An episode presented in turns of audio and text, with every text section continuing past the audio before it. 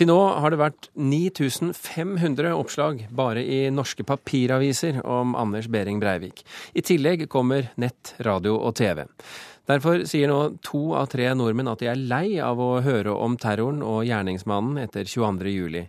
Det viser en medieundersøkelse, eller selve medieundersøkelsen 2012. Et klart flertall av de spurte mener mediedekningen har vært for omfattende. Vi leser ikke alt som står. Vi orker ikke det. Nå begynner jo denne rettssaken på, på mandag, skal vare i ti uker. Kommer du til å følge med på det, eller? Nei. Hvorfor ikke? Jeg syns det har vært for mye oppstyr om det nå. Folk på gaten i Oslo er lei av å se og høre om terrorhandlingene og rettssaken mot Anders Behring Breivik. Til nå har det vært over 9500 oppslag om ham, og det er bare i papiravisene. I tillegg kommer dekningen på nett, radio og fjernsyn. Nå har 68% av oss nådd et metningspunkt. Jeg liker ikke å se han. Han burde vært dømt med en gang. Jeg følger jo med på det, men det som er litt synd, er at vi gir han akkurat det han ønska. Vi, gir han, vi gir han et podium, vi gir han en scene, og nå har vi sørga for at det varer i ti uker til. Medieundersøkelsen er laget av Frank Aarebrot, som er professor i sammenlignende politikk ved Universitetet i Bergen. Han lar seg ikke overraske over at mange begynner å få nok. Jeg tolker det i retning av at uh Eh, det, at det norske folk på en måte er et kollektivt offer som har noe av de samme trekkene som de som var ofre selv. Eh, folk er lei hele Breivik og ønsker å komme videre. Ønsker å lukke saken bak seg og ønsker bare å få han vekk. Vi, vi, vi, kommer videre. På samme måten som det er en sunn reaksjon for de som er virkelig offer, så er på en måte den norske mentaliteten også et offer. Vi som folk ønsker å komme videre og legge saken bak oss. Og det er for så vidt helt som jeg hadde forventet når jeg stilte spørsmål. Programdirektør i NRK, Per Arne Kalbakk, skjønner godt at folk er lei. Det kan jeg absolutt godt forstå. Det er vel ingen eh, sak i moderne norsk historie som er omtalt så mye som, eh, som 22. juli. Førstkommende mandag starter rettssaken, og NRK har planlagt en omfattende dekning. Vi kommer til å sende hele dagen i NRK1 på TV den første uka, i Alltid nyheter og på nrk.no. Og det er klart at rettssaken skal vare i ti uker. Det kommer ikke til å bli like mye mye og like intens dekning hele tiden. Dette kommer til å gå litt i bølger. NRK og resten av Medie-Norge gjør akkurat det de bør gjøre, selv om mange synes dekningen allerede er for omfattende, mener Frank Aarebrot. Nei, altså media må gjøre det de driver med, for vi er en merkelig art, vi mennesker. Selv om vi er møkka lei av saken og kommer til å legge, ønsker å legge den bak oss, så, så leser vi, er, jo, er, vi jo likevel nysgjerrige. Ja. For å si det på den måten, Ingen av oss syns en trafikkulykke er hyggelig, men vi leser om den i avisen likevel. Reporter her, det var eh, Turi Grønbekk. Helge Rønning, medieprofessor ved Universitetet i Oslo. Forstår du at folk er lei av mediedekningen nå? Ja, det forstår jeg. Der er jeg enig med Frank Aarebrot. Men uh, det er en annen side i denne, denne, saken, og det er jo at uh, det er vel en av de mest uh, betydningsfulle saker vi har hatt i norsk etterkrigshistorie. Og det er klart at Hvis mediene ikke dekket det, så vil ikke de gjøre sin jobb i denne sammenhengen og fylle opp sin oppgave. Det som jeg vil kanskje er mer opptatt av enn akkurat uh, antall uh, oppslag, antall artikler, antall innslag i TV og radio, det er vel hvorvidt det har vært ulike perspektiver som har kommet fram i denne dekningen. Og det har vi jo ingen undersøkelser av. Hva tenker du på da? Nei, altså jeg har vel av og til en følelse av at uh, journalistene jager i flokk i denne saken som i mange andre saker.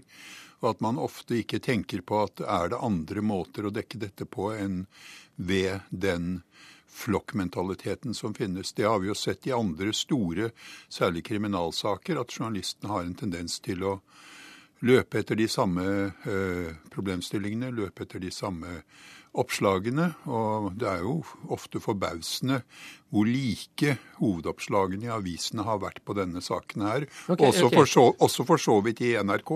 Nå er du eh, NRK-redaktør, hvis det er noe som heter det, eh, for eh, de neste 30 sekundene. Hva skal vi dekke, syns du?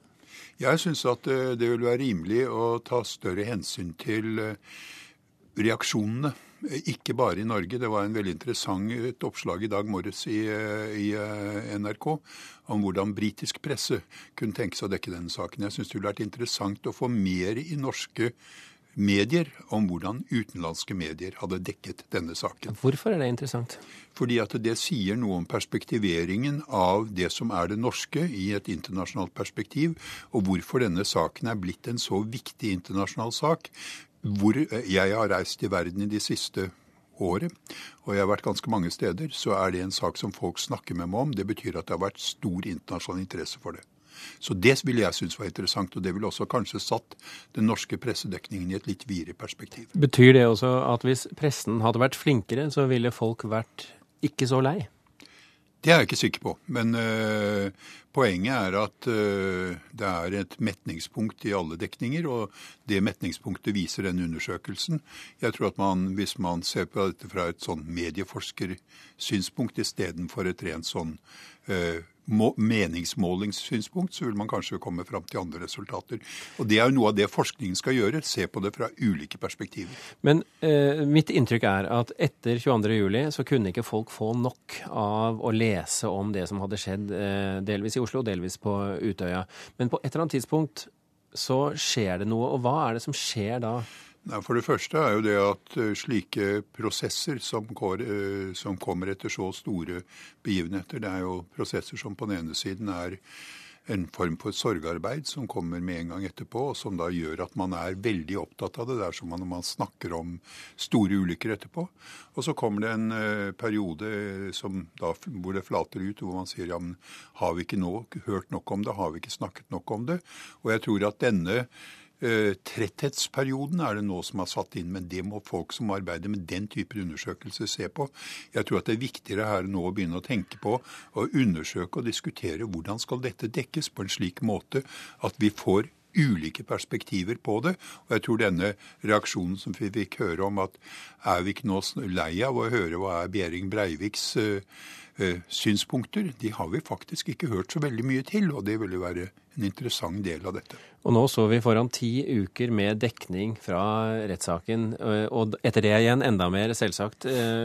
Hva bør folk gjøre for å overleve det medietrykket som kommer fra en massiv eh, mediedekning nå? Ja, Hva folk bør gjøre for å overleve, det er jo opp til den enkelte. Men jeg tror at det er et riktig perspektiv at det er en samme type avvergereaksjon som finnes blant folk flest, som også finnes blant de overlevende og de pårørende i den sammenhengen. Og slike avvergereaksjoner skal man ta alvorlig. De er et uttrykk for en form for eh, psykisk eh, forsvar som det er grunn til å se på. Les en bok om noe annet, med andre ord? Ja, eller eh, prøv å se dette ikke hele tiden. Eh, og nå skal det jo også sies at det er et veldig viktig rettsprinsipp som kommer til uttrykk her. Det at vi har åpne rettssaler i Norge, og det er et viktig demokratisk prinsipp. Helge Rønning, medieprofessor Universitetet i Oslo, tusen hjertelig takk for at du kom til Kulturnytt.